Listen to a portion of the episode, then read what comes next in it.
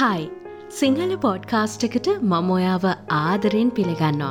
ඉතින් අදත් ඔයත් එක්ක ජීවිතයට වැදගත් දෙයක් ගැන කතා කරන්න ඕන කියලා හිතුවා. අපි හැමෝම මහන්සි වෙන්නේ අපේ ජීවිත ලස්සන කරගන්න. හැබැයි අපේ ජීවිතේ ලස්සනට සාර්ථකව ගෙවන්න හාඩුවකින් විතරක් තිබිලා මදේ. ඒතත් වඩා අපිට තියෙන්න ඕන ස්මාර්ට් වර්කින් කැපෑසිට එකක් කියලා මම හුඟක් තැන්වල අහල තියෙනවා කියවල තියෙනවා. හැබැයි අපිට තාමෝක හරියට අහුවෙලා නෑනේ. අපි කොහොම හරි ඕක තේරුම් අරං උත්සාහ කරන්න ඕන ඒ විදිහට වැඩ කරන්න. අපි බලමු මේ ස්මාර්ට් කියන වචනේ හැදිල තියෙන්නේ කොහොමද කියලා මුලින්ම. ස්මාර්ට් කියන වචනේ හැදිල තියෙන්නේ ස්පෙසිෆික්, මෙෂරබල්, අචීවබල්, රෙලවන් සහ ටයිම් බවන්් කියන වචනවල මුල් අකුරු වලින්. ඕකි සිංහල තේරුම ගලපල බැලුවොත් නියම කාල පරිච්චේදයක ළඟා කරගත හැකිවන පරිදි ප්‍රායෝගික වහා නියත වශයෙන් මිනුම් තබාගෙන වැඩ කරගෙන යන එක තමයි ස්මාර්ට් විදිහට වැඩ කරනවා කියලා කියන්නේ. හරිඉතින් ඕක හොම කිව්වහම ටිකක් බර වැඩි වගේනේ අපි තවටිකක් පැහැදිලි කරගමු. මෙහෙමයි අපිට අපේ ජීවිතය ඉස්සරහට අරංයන්න නං ඉලක්ක තියෙන්න ඕන. ඉලක්කයක් නැතු ජීවත් වෙනකට අපි හරියට කොට උඩ තියෙන බස්ස එකක් වගේ. නිකංම දිරදිරා යනවා ලෝකෙට වැඩකුත් නෑ අපිට වැඩකුත් නෑ. ඉතින් ඉලක්කයක් තියාගෙන වැඩ කරද්දේ අපිට හොඳ මෝටිවේෂන් එකක් එනවා වැඩ කරන්න. යම් කිසි ඉලක්කයක් සාර්ථක කරගත්තම එයින් ලැබෙන ප්‍රතිඵලය අපිව තව තවත් දිරිගන්වනවා.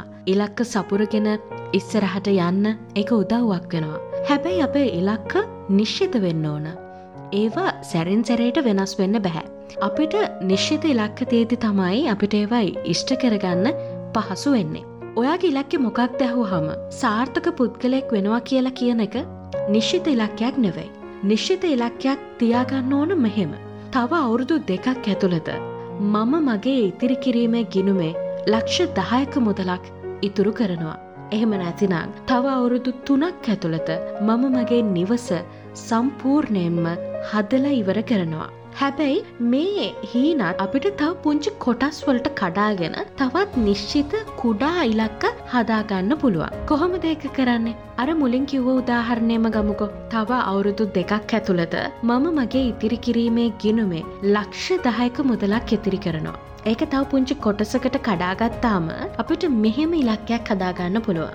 මේ අවුරුද්දේ දෙසැම්බර් වෙද්දී මම රුපියල් විසි පන්දාහක් ඉතිරි කිරීමේ ගිනුමේ ඉතිරි කරනවා කියලා. මම හිතනවා දැන් ඔයාට පැහැදිලි වෙන්න ඇත කියලා. ඔයාගේ ඉලක්කය හැමවිටම මනින්න පුළුවන් ඉලක්කයක් වෙන්නත් ඕනේ. මම සාර්ථක පුද්ගලයෙක් වෙනවා කියලා කිව්වහම ඒක සංසන්ධනය කරලා බලන්න විදිහක් නෑ. අපි සාර්ථකත්වයට යනෝද කියලා දැනගන්න විදිහක් නෑ.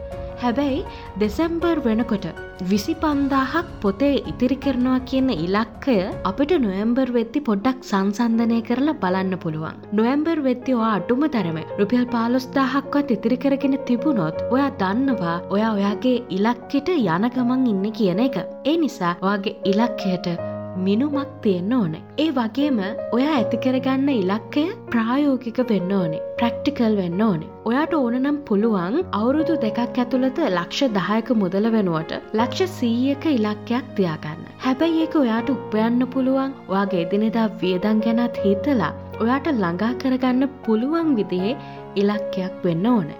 ඔයාට දරන්න බැරිවිදිහ ඉලක්ක තිබුණහම ඔයා අධෛරයමත් වෙන්න පටන් ගන්නවා. ඒ වගේම ඉටු කරගන්න ඉතාම පහසු ඉලක්ක තියාගෙන වැඩකුත් නෑ. ඒ නිසා ඉලක්කයක් තියාගනිත්තේ ප්‍රායෝගික වගේම ටිකක් අභියෝගාත්මක ඉලක්කයක් තියාගන්න පුරුදු වෙන්න. ඒ වගේම තමන්ට අදාළ වෙන ඉලක්ක තියාගන්නක වැතකත්. ඔබ ජපානට යන්න බලාපොරොත්තුවක් නැහැ. ඔබ යන්න ඉන්න රුසියාවට නං තව මාස කේපයක් ඇතුළත ඔයාගේ ඉලක්කය වෙන්න ඕනේ රුසියානු භාෂාව කතා කරන්න ඉගෙන ගැනීම. ඒ වෙනුවට ඔයා ඉලක්කයක් තියාගෙන ජපන් භාෂාවගෙන ගන්න එක ඔයාට තේරුමක් නැති වැඩක්නේ. ඔය වගේ තමන්ගේ ඉදිරිය ගැන හිතලා අදාළ ඉලක්ක ඇතිකිර ගැනීම ඇතුළේ තමයි අපිට සාර්ථක පුද්ගලෙක් වෙන්න පුළුවන් වෙන්නේ. ඒවගේම අප ඉලක්කවලට ඩෙඩ්ලයින් එකක් තියෙන්න ඕන. ඉලක්කවලට විතරක් නෙවේනේ නේද. අපි එදිනතා වැඩක් කරද්දි උනත් ඒකට ඩෙඩ්ලයින් එකක් දාගත්තහම අපි උත්සාහ කරනවා ඒක ඒ වෙලාවටම ඉවර කරන්න. එහෙම නැතිවනහම අපි වැඩේ පහු කර කර ඉන්නවා. ඉතිං අපිට අපේ සාර්ථකත්වය ඉක්මනින් ළඟා කරගන්න නම් අපේ ඉලක්කවලටත් ඩෙඩ්ලයින් එකක් තියෙන්න ඕන. මෙන්න මේ තේ තව මාසයක් ඇතුළත මෙන්න මේක තව මාස තුනක් ඇතුළත මේක කරන්න ඕනි තව සතියක් ඇතුළත කියලා අපි යම් කාලසීමාවක් තියාගන්න ඕන. ඒ වගේම ඒක ප්‍රායෝගික වෙන්නත් ඕනේ. තව තත්පර දහයක් ඇතුළත ගේ අතුකාල ඉවර කරනවා කියලා ඩෙඩ්ලයින් එකක් දාගත්තහම දාගත්තට මේ අපිට තත්පර දහයක් ඇතුළත ගයක් අතු ගන්න බෑනේ. ඒ නිසා තමන්ගේ ඉලක්කයට අදාළ වෙන විදියට ඩෙඩ්ලයින් එකක් දාගන්න ඕන. ඒ වගේම ඒ ඩෙඩ්ලයින් එක ගැන සීරියස් විදිහට අපි හිතන්නත් ඕන. කොහොම හරි ඒ කාලය ඇතුළත කරනවාමයි කියන සෙල්ෆ් ඩිසිප්ලීන් එක ඔයා තියාගන්න ඕන. හරි මේ විදිහට අපි අපේ ඉලක්කය හදාගත්තට පස්සේ අපිට තියෙන්න ඕන මේ ඉලක්කය ක්‍රියාත්මක කරන්න ප්ලෑන් එකක්. සැලසුමක් නැතුව කිසිම ඉලක්කයක් සම්පූර්ණ කරන්න බෑ. අවුරුදු දෙකක් ඇතුළත ලක්ෂ දහයක් ඉතිරි කරන්න ඔයාට නිකං ඉඳල බැහැ. ඔයාට ඒ මුදල උපයන්න මාර්ගයක් තියෙන්න ඕන. ඔයා වැඩ කරන්න ඕනේ. අනවශ්‍ය වියදම් කපා හරින්න ඕන. ඔය විදිහට ඔයා ප්ලෑන් එකක් හදාගෙන වැඩ කරද්දේ තමයි ඔයාට ඔයාගේ ඉලක්කය සම්පූර්ණ කරගන්න පුළුවන් වෙන්නේ. හැබැයි ඉතින් මේ මොනදේ කලාත් ටික කාලයක් ඇත්තේ පටන් ගැන්මි තියෙන උනන්දුව නැතිවුණොත් සොරීම තමයි. ඒ නිසා උනන්දුව කැපවේම උත්සාහය නම් අතහරින්නම එපා. හරි එහෙනම් මගේ පෝඩ්කාස්ට් එක අන්තිම වෙනකං ඇහුවට ගොඩාක් ස්තුතියි. ඊය මගේ පෝඩ්කාස්ට් එකට කමෙන්ට් කරලා තිබුණ අයවත් ආදරෙන් මතක් කරන්න ඕන.